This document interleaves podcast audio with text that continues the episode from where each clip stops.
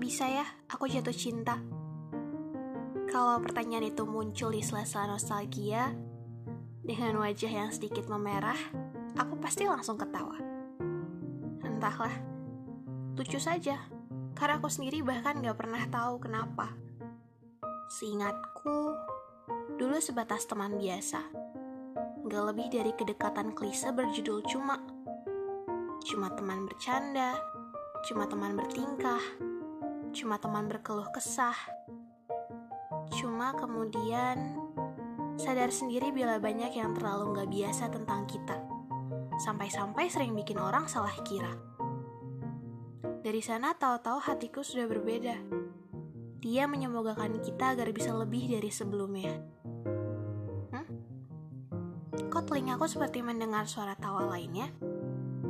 Kamu ikut-ikutan ketawa juga ya? Dasar. Dari dulu nggak pernah berubah. Pasti jadi besar kepala karena tahu kamu pernah berhasil bikin aku jatuh cinta.